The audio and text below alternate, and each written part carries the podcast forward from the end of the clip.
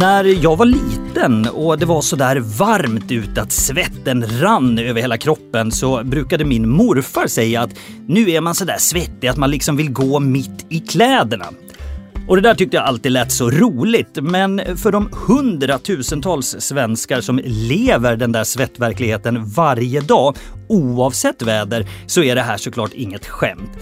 En av de människorna är vår gäst idag i Hypokondrikerpodden, Emily Ali Yoshiguchi, som också är grundare av Svettpodden. Hej! Hej! Du lider ju av det som på latin heter hyperhidros. Eh, hur skulle mm. du beskriva det på svenska? Eh, överdriven svettning heter det ju också. Så ja, man svettas överdrivet mycket helt enkelt. Du ska få berätta mer om det strax, men jag ska också bara säga att jag heter Håkan Ivar och Hypokondrikerpodden, för dig som inte har hört den förut, är en podcast från Kronans Apotek om hälsoångest, skam och verkliga eller inbillade symptom. Men vi är ju också självklart till för dig som kanske bara vill lära dig mer eller dig som inte riktigt vet vem du ska prata med när det händer något oväntat med kroppen. Här hos oss är inget tabu och här finns också en härlig människa som kan ge många bra råd och kloka tankar. Jag pratar om våran farmaceut Ynette Gustavsson. Kul att ha dig här igen! Väldigt kul att vara här. Jag måste ju ändå börja med att säga att jag i alla fall tycker att det är rätt så varmt och kvavt här i våran studio. Eh, hur upplever du en sån här miljö, eh, Emily? Och jo, det är ganska trångt och varmt som du säger. Men eh, ja, mysigt kanske. Vänta, vänta så här en kvart sen så. Ja, precis. Snöjat upp det rejält. Och uppdatera mm. status där sen. Ja, men det här är ju såklart inget nytt för dig. Du har ju eh, lidit av svettningar i hela ditt liv. Eh, mm. Hur började det här? Jag har ju, ja precis som du sa där, jag har ju haft hyperhidros hela mitt liv och eh, första gången jag kom i kontakt med själva sjukdomen eh, var väl ungefär sjuårsåldern. Hur märktes det då? Eh, det var ju främst händer. Eh, och först, första kontakten var ju först då jag kände att det var jobbigt. Eh, då när jag fick kommentarer om min svettning och ja, jag tyckte att jag var lite annorlunda och sådär jämfört med andra. En grej var ju att när eh, jag lärde mig att spela piano när jag var barn. Okay. Och eh, på de här pianolektionerna så gick jag dit med min mamma och ja, eh, och det, det blev väldigt jobbigt med svettningarna då eftersom att det, det, det är inte bara att jag blir fuktig om händerna utan jag, det droppar verkligen svett. Och då blir hela pianot neddränkt av svett mm. kan man säga. Så det var ju en väldigt obekväm situation för mig som barn. Eh, pinsamt var det. Eh, jag visste inte själv hur, jag kunde inte förklara vad det var för att jag visste ju inte vad det var. Om man inte har en diagnos med sig så är det lite svårt att förklara det för någon. Och speciellt om man är ett barn så är det extra svårt. Men kunde du fortsätta att spela eller? Eh, jag slutade faktiskt efter några lektionstillfällen för att jag tyckte att det var så jobbigt. Eh, vad gjorde ni då? då? Eh, vad menar du? Ja, alltså, vad, vad, vad, gjorde ni åt eller hur adresserade du det då? Ja, ja det var, jag sa ju, eller mina föräldrar såg ju att jag mådde dåligt av det. Så de tog ju mig till vårdcentralen och så. Men eh, ja, de visste inte riktigt vad det var. Eh, okunskapen har ju alltid varit väldigt stor. Så ja, jag fick leva med det helt enkelt och hur acceptera det. Ja, men hur kändes det? Ja, men, eh, jättejobbigt och jag var ju bara ett barn då så Ja, det var fruktansvärt jobbigt måste jag säga. Det låter ju verkligen hemskt. Men hur, hur, sen blev du vuxen. Hur fortsatte det här att mm. påverka ditt liv i vuxen ålder? Ja, eh, om jag tänker tillbaka så, så har det ju alltid påverkat mig i alla faser i livet egentligen. Så här, tonåren var ju, hade ju sin fas och var väldigt jobbig. Eh, den är ju den kan ju vara jobbig utan hyperhidros och sådär. Ja. Så utmaning där. Ehm, ja, och sen i vuxen ålder så har, har det också varit jobbigt. Ehm, mycket så här möta nya människor via jobb och skola och sådär. Så, På vilket sätt? Eh, nej men när man träffar nya människor så tar man ju i hand eh, här i väst oftast. Och då blir det ju att eh, ja, om, man, om man är jättesvettig eh, så känns det helt obekvämt helt enkelt. Men hur hanterar man det då? För folk sträcker ju fram handen som du säger i tid och mm. otid. Hur, hur har du hanterat det? Nej, jag sträcker ju också fram min hand. Det är inte så att jag inte gör det eh, bara för att jag har hyperhidros. Jag får helt enkelt eh, ja, acceptera det och bara gilla läget. Men det är såklart jättejobbigt. På vilket sätt är det mest jobbigt? Ja, men det är som jag sa tidigare, att det är inte bara att jag är lite fuktig om händerna utan det är att jag då kommer blöta ner den andra personens hand. Mm. och det kommer, ja, och då tänker jag lite så här, men, ja, men vad tänker den personen om mig och vad ger det för intryck av mig? Och det blir, eh, ja, jag är rädd att den personen ska missförstå mig och mina känslor och vad jag känner då och hur jag är som person. Till och med. Jag tänker så här, om jag går till mig själv, om jag liksom har precis på toaletten och blött händerna mm. och sen ska hälsa på någon. Då känner jag ju så behov av att förklara mig att jag har precis tvättat mm. händerna, det är därför jag är fuktig. Ja. Um, och jag liksom, hur, hur är det för dig? Upplever du att du känner nästan att du behöver förklara dig? Eller du har liksom känt att nej, jag kan inte gå in på det utan jag får helt enkelt hantera det mm. och, och, inte säga någonting. Låtsas som ingenting. Ja, lite så. För jag gör ju inte det när, även om jag är svettig eller vad den är, om någon vill krama om mig och jag varit ute och mm. löpt. Mm. då, då har jag ett behov. Ja. ja. då har jag verkligen ett behov av att säga att jag har precis tränat, det är därför jag är lite. Mm. Eller jag har liksom precis tvättat händerna. Ja, precis. Hur känner du kring det? Eh, nej, jag känner nog att jag inte orkar berätta riktigt varje gång. För att om jag säger, ah, ursäkta jag har hyperhidros och det är därför ja. jag är svettig. Vadå vad, hyperhidros? Ja, vad, är det? Vad är det? För det är så okänd ja. sjukdom så det är ju en väldigt tyst sjukdom. Eh, folk pratar inte om det. Så det är inte så många som känner till det och då blir det bara extra jobbigt för mig om jag dessutom ska förklara hela diagnosen och ja, sådär. Man vill så jag låter bli. Ja, jag förstår det. Mm. Mm. Men vad har du tagit eh, till för typ av strategier i vardagen då för att liksom mm. hantera det här? Ja, Eh, till exempel, jag har ju eh, små handdukar med mig alltid när jag går ut. Och du har en handduk med dig nu ser jag? Precis, en, en sån här liten fin handduk. Vad gör du med den? Nej, jag håller i den för att jag tycker det känns skönare. Det känns som att ja, men då tar ju svetten, svetten hamnar där och blöter inte ner hela min outfit. Mm. Är det händerna som är värst? Eh, mina problemområden är ja, händer och så mm. fötter och armhålor och sen lite eh, en del av överläppen också. Och det är ju olika problemområden då eh, som folk kan ha. Så det är, men det är de vanligaste kan man säga, de tre. Hur är det med kläder då? För jag ska säga att jag sitter i en ganska tunn t-shirt mm. Eh, och det är ganska varmt här i studion som sagt. Ja. Hur, hur, funkar det med kläder för dig? Och sånt? Kan du ha vilka kläder du vill?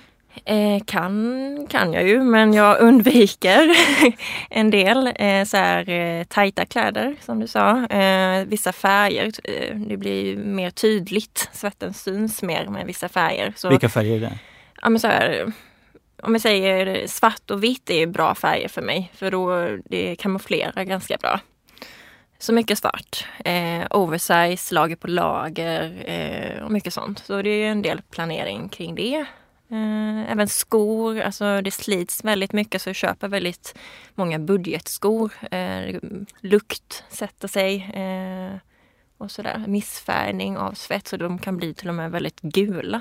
Jag har använt dem en hel sommar. Liksom. Det behöver inte gå en hel sommar, det kan räcka med en månad. Men hur, då tänker jag, hur är det på vintern? För jag svettas ofta som en gris på vintern. Man klär sig mm. så varmt, man tycker det är kallt ute. Mm. Och så sprintar man ut och sen hoppar man in på en tunnelbana eller buss i de här varma kläderna och då rinner det på mig. Hur är det ja. på vintern för dig? Om ni tänker er att eh, man har dusch, duschat och inte har någon handduk och så tar man på sig kläder direkt. Liksom. Och det blir ju väldigt kallt då såklart. Och sen om man ska ge sig ut sen. Eh, ni kan ju bara föreställa er hur det känns. Ja. Eh, inte så skönt kanske. Men hur påverkar det här dig socialt då, skulle du säga? I umgänget med andra? Ja, eh, alltså man kan säga så här att hyperhidros, eh, inte bara för mig, men för de flesta försämrar livskvalitet. Och med det sagt så menar jag att det begränsar väldigt mycket av mitt liv och vad jag väljer att göra och inte göra. Och en av de grejerna är ju det här sociala umgänget och jag undviker ja, sociala sammanhang och så här väldigt mycket. Eh, fester, det kan vara ja, men åka, bara åka kollektivt känns väldigt jobbigt ibland. Så det kan vara sådana grejer. Det, låter, det känns väldigt ensamt, blir det så? eller hur? Ja, det är väldigt ensamt och som jag sa tidigare att det är väldigt tyst sjukdom, handikapp. Så ett tag så ja, jag visste inte, finns det ens fler som innan jag hade fick diagnos så visste jag inte att, jag kände mig helt ensam och visste inte att andra kunde ha hyperhidros. Men vem eller vilka eh, kunde du prata med om, om det här liksom in, innan du visste vad det var?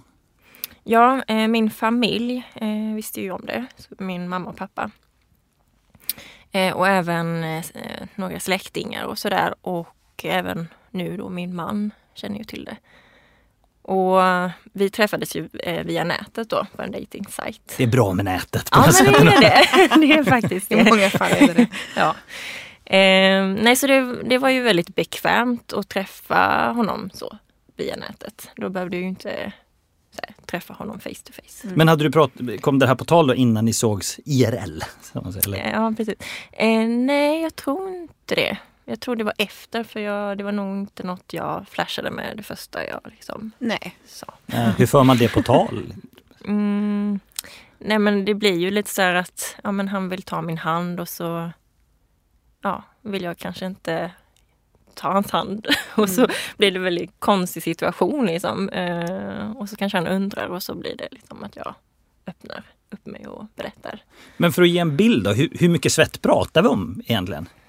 Ja, eh, jag kan säga att eh, händer då att, jag, att det kan droppa svett och bilda en liten pöl om jag står still på samma ställe. En lång Från händerna? Ja precis, att, så att det rinner ner liksom då. Men hur, då, då undrar man ju spontant hur, hur går det när man till exempel sitter och jobbar med, eller håller på med dator eller sådär? Ja, det är en pöl? För, har du ja. förstört många laptops genom ja, men, ja, men, nej, nej, men inte riktigt en pöl. Men eh, det är klart att de tangenterna blir ju eh, blöta, väldigt blöta. Och jag får oftast liksom ta en paus och torka bort all fukt. Men det känns ju ungefär som när man verkligen har tränat hårt och man är helt dyngsyr. Är det, är det ungefär det vi pratar ja, om? Ja, utan att jag har ansträngt mig. Bara sitter och vilar. Och jag, jag kan säga att jag svettas som mest när jag sitter och har myskväll tillsammans med min familj framför tvn. Så svettas jag som mest. Så det har ju absolut ingenting med stress eller nervositet att göra.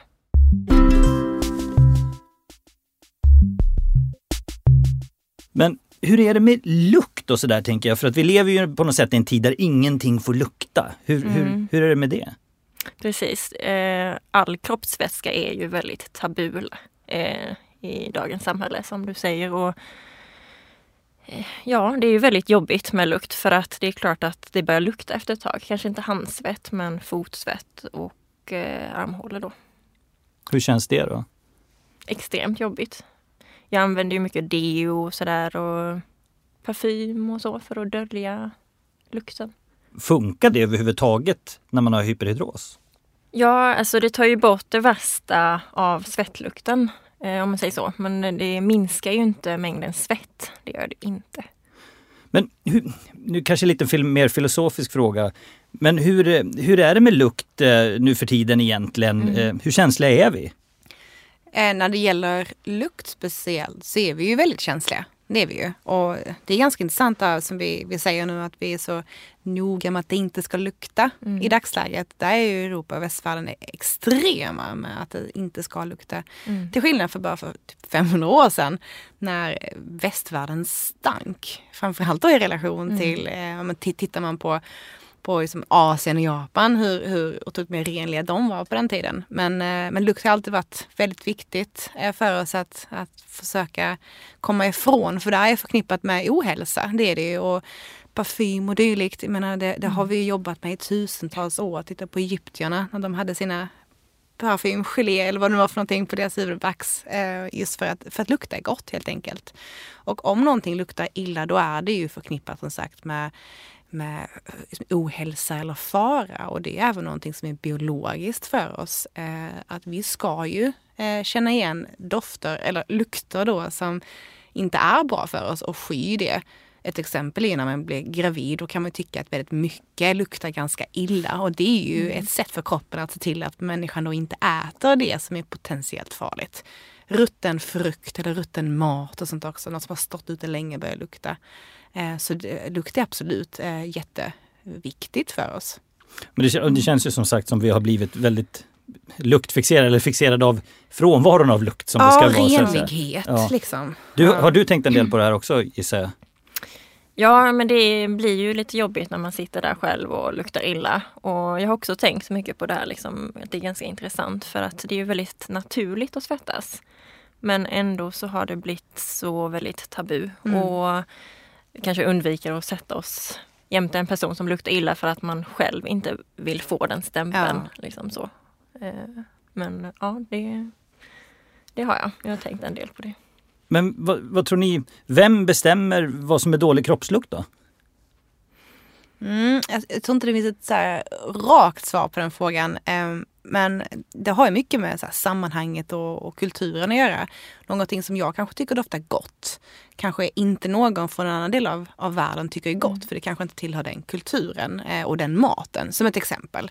Eh, och det här med vad som luktar gott för, för olika människor, det ser vi också ändras ju eh, i oss själva med åldern. Vi, vi förändrar också vårt smaksinne och, och vad vi tycker doftar gott eller inte med tiden. Och vi förknippar ju det med vissa minnen mm. eller platser och människor.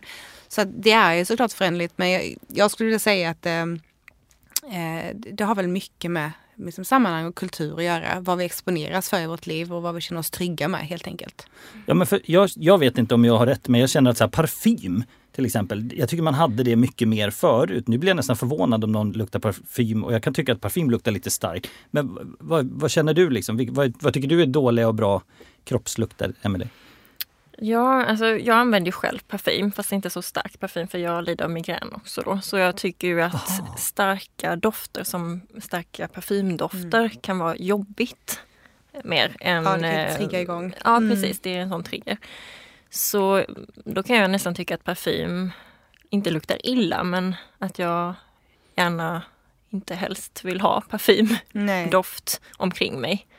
Hellre kanske vanlig, alltså vanlig kroppsdoft om man kan säga så, eller naturlig doft. Ja. Ja, det är den som vi också dras till varandra utav har jag förstått. Jag kan precis säga, det är också, precis, det är ju, det är ju så också att, uh, att man kan ju liksom, det har ju också en del med attraktionen att göra hur, mm. Eh, hur vi reagerar på varandra. Både dofter vi känner av och, och sånt som vi faktiskt inte märker medvetet men, mm. men omedvetet märker av. Av alla potentiellt känsliga ämnen som vi också har pratat om i den här podden så verkar just kroppslukt vara på något sätt ett av de svåraste för vissa att prata om. Eh, I alla fall när det gäller att prata med någon annan som luktar illa. Hur gör man egentligen för att ta upp det här med, med någon som man tycker luktar?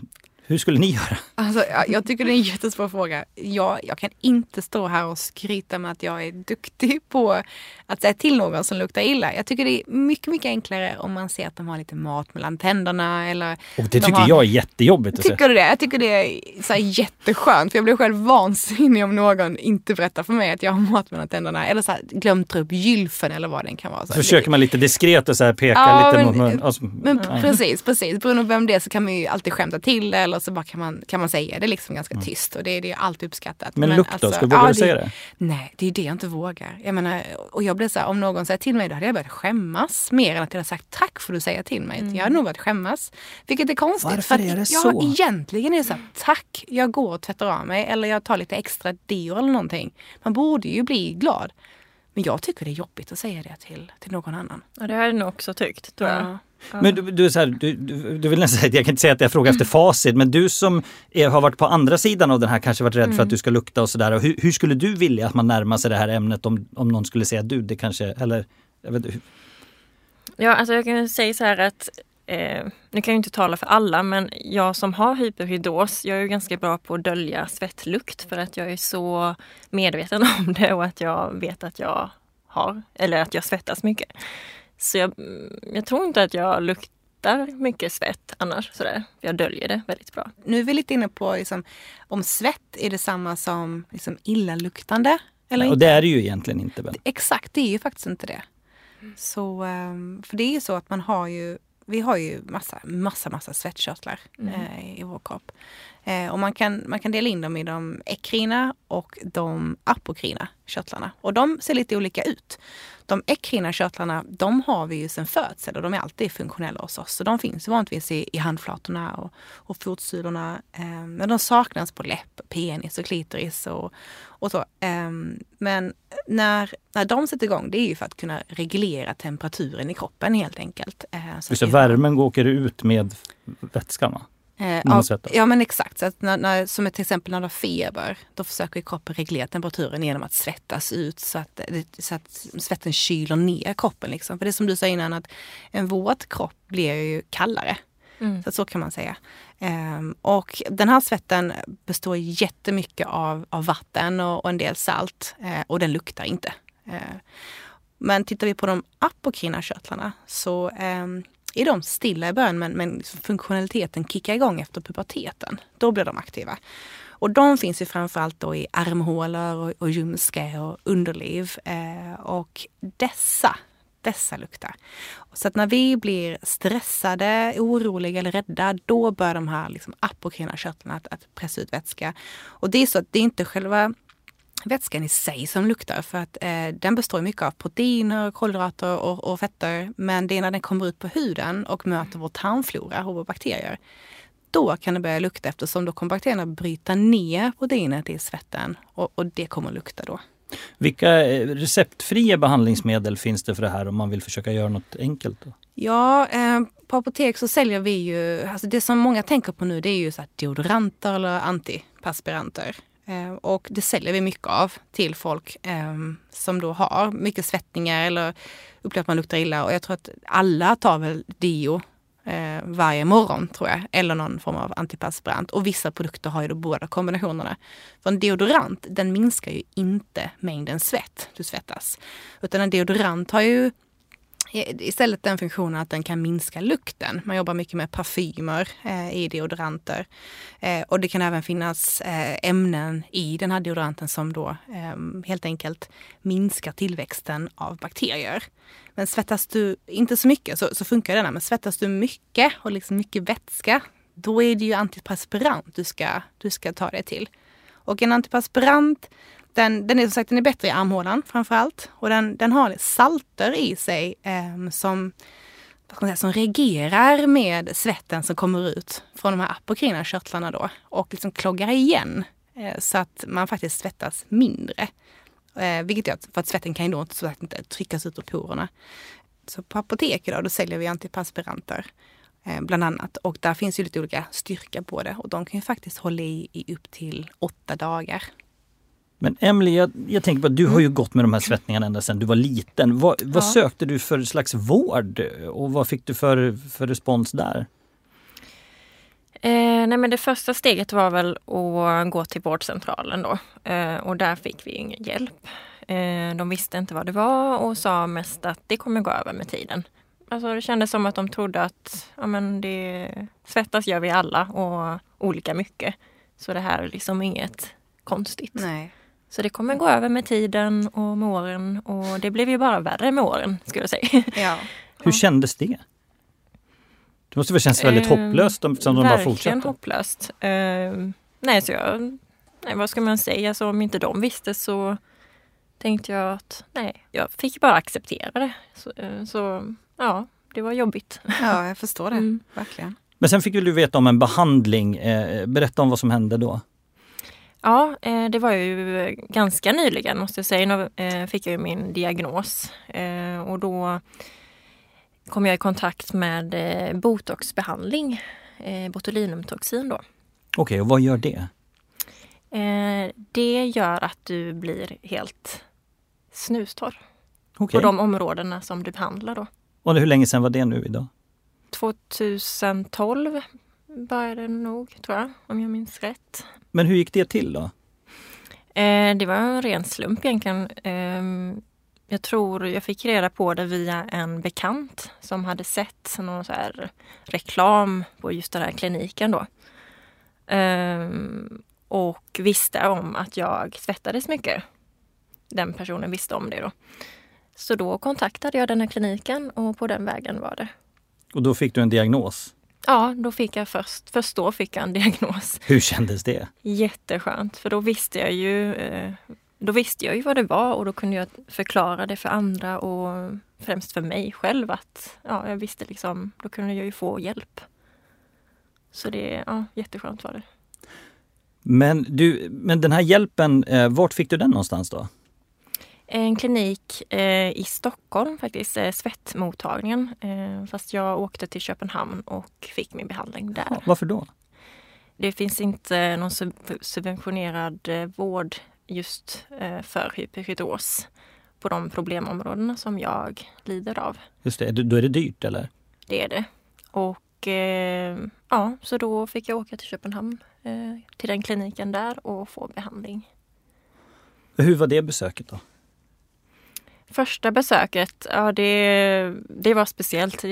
Jag trodde liksom inte att men kommer det här gå eller kommer det här funka? Mm. Så det kändes som en dröm liksom mm. efter när effekten kickade igång. Vad märkte du då? Eh, det var ju efter en ja, två, tre dagar som full effekt eh, som jag kände av full effekt och det det var helt otroligt. Jag, från att ha varit så blöt så blev jag en väldigt torris. Liksom. Att jag var snustorr. Så ja, då kunde, det kändes helt overkligt måste jag säga. Ja, det förstår det, jag. Ja, helt underbart. Eh, det enda med den här behandlingen är att jag måste, den botar ju inte så jag måste kontinuerligt behandlas då. Hur ofta gör man det då?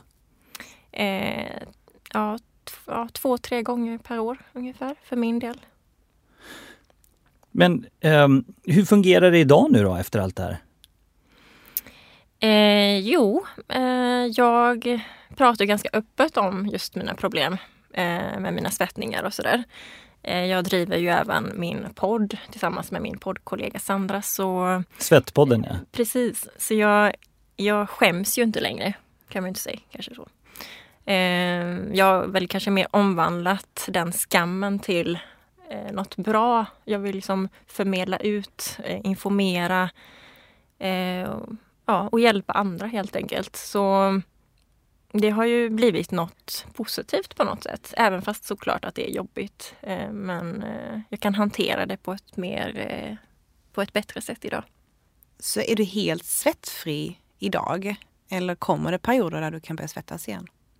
Just nu så ammar jag, eh, så då kan jag inte, då, då, kan jag inte behandlas. Just det, du är ju faktiskt nybliven ja. mamma också. Ja, men precis. Grattis, jag är ju det. Tack så mycket. Men då, men då kan du inte behandlas alltså? Hur? Nej, och inte under graviditeten kan man inte heller Nej, få precis, behandling. Precis. Så så det har ju varit, eh, och det, så är det ju fortfarande, så det är ju extremt jobbig tid så sett. Men är du, är du, känns det som att du är tillbaka i, i så ja, som du var förr? precis. Jag minns tillbaka hur det var innan, innan jag fick diagnos och ja. behandlingar och sådär. Så, nej, det var ju så här jag levde förr kan man säga. Så det, det är kämpigt, det är det. Ja, det förstår jag. Och det betyder väl då gissa om du fortsätter att amma att det är ett tag tills du kan få behandling igen, eller? Ja precis. Det är först då jag slutar med amningen som mm. Eh, jag först då kan behandlas igen. Jag tänker också så länge man vet vad det är man lider av och framförallt att det finns en behandling kanske det också är, nu ska jag inte anta men jag antar att det är lite enklare ändå att kunna kunna stå hantera ut. det. Ja, men st precis, stå ut. Just för att man vet att ja, men det, mm. det kommer bli bättre igen. Ja, ja men absolut så är det ju. Jag eh, sitter här och längtar efter behandlingen liksom, och längtar efter amningen slut. Ja. Så. Ja. Mm.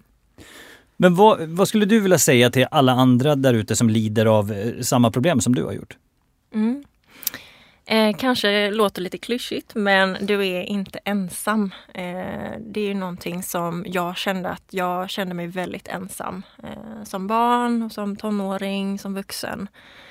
Eh, och det är ändå cirka 3% av eh, befolkningen som lider av hyperhydros. Så det är ändå rätt många. Mm. Det är väldigt många skulle jag vilja säga. Ja, precis. Så börja prata om det. Eh, det kanske öppnar upp nya dörrar och det kan ju visa sig att din närmsta väninna också lider av hyperhidros. Eh, I samband med att jag var med på ett reportage om just hyperhidros och jag öppnade upp mig och kom ut ur min garderob kan man säga.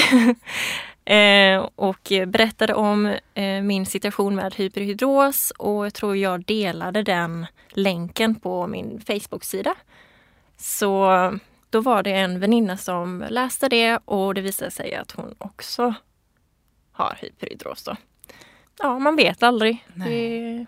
Det kanske är många i din närhet som också har hyperhidros. Ja, men det finns ju en kraft i att prata öppet om det som man, som man kanske lider av annars istället för att mm. mörka ner det. Mm. Ja, tack för att du kom och pratade om ja. det här idag och spred lite ljus över ett problem som ändå verkar drabba ganska många som ja, tyvärr då ofta lider i, i tystnad dessutom. Mm. Ja, och jag vill också hänga på det du sa Emelie om att våga prata om det och framförallt också nu pratar vi hyperhidros, men det kan många, vara många som lider av svettningar och illaluktande problem ändå som kanske inte har denna diagnosen men som ändå känner ett behov av att få hjälp. Och, och, och då är ju verkligen budskapet att våga prata om det och våga fråga. Och kom jättegärna in och fråga oss på Kronans Apotek så hjälper vi väldigt gärna till. Det känns tryggt. Tack ska ni ha båda två. Tack så mycket. Tack så mycket. Tack.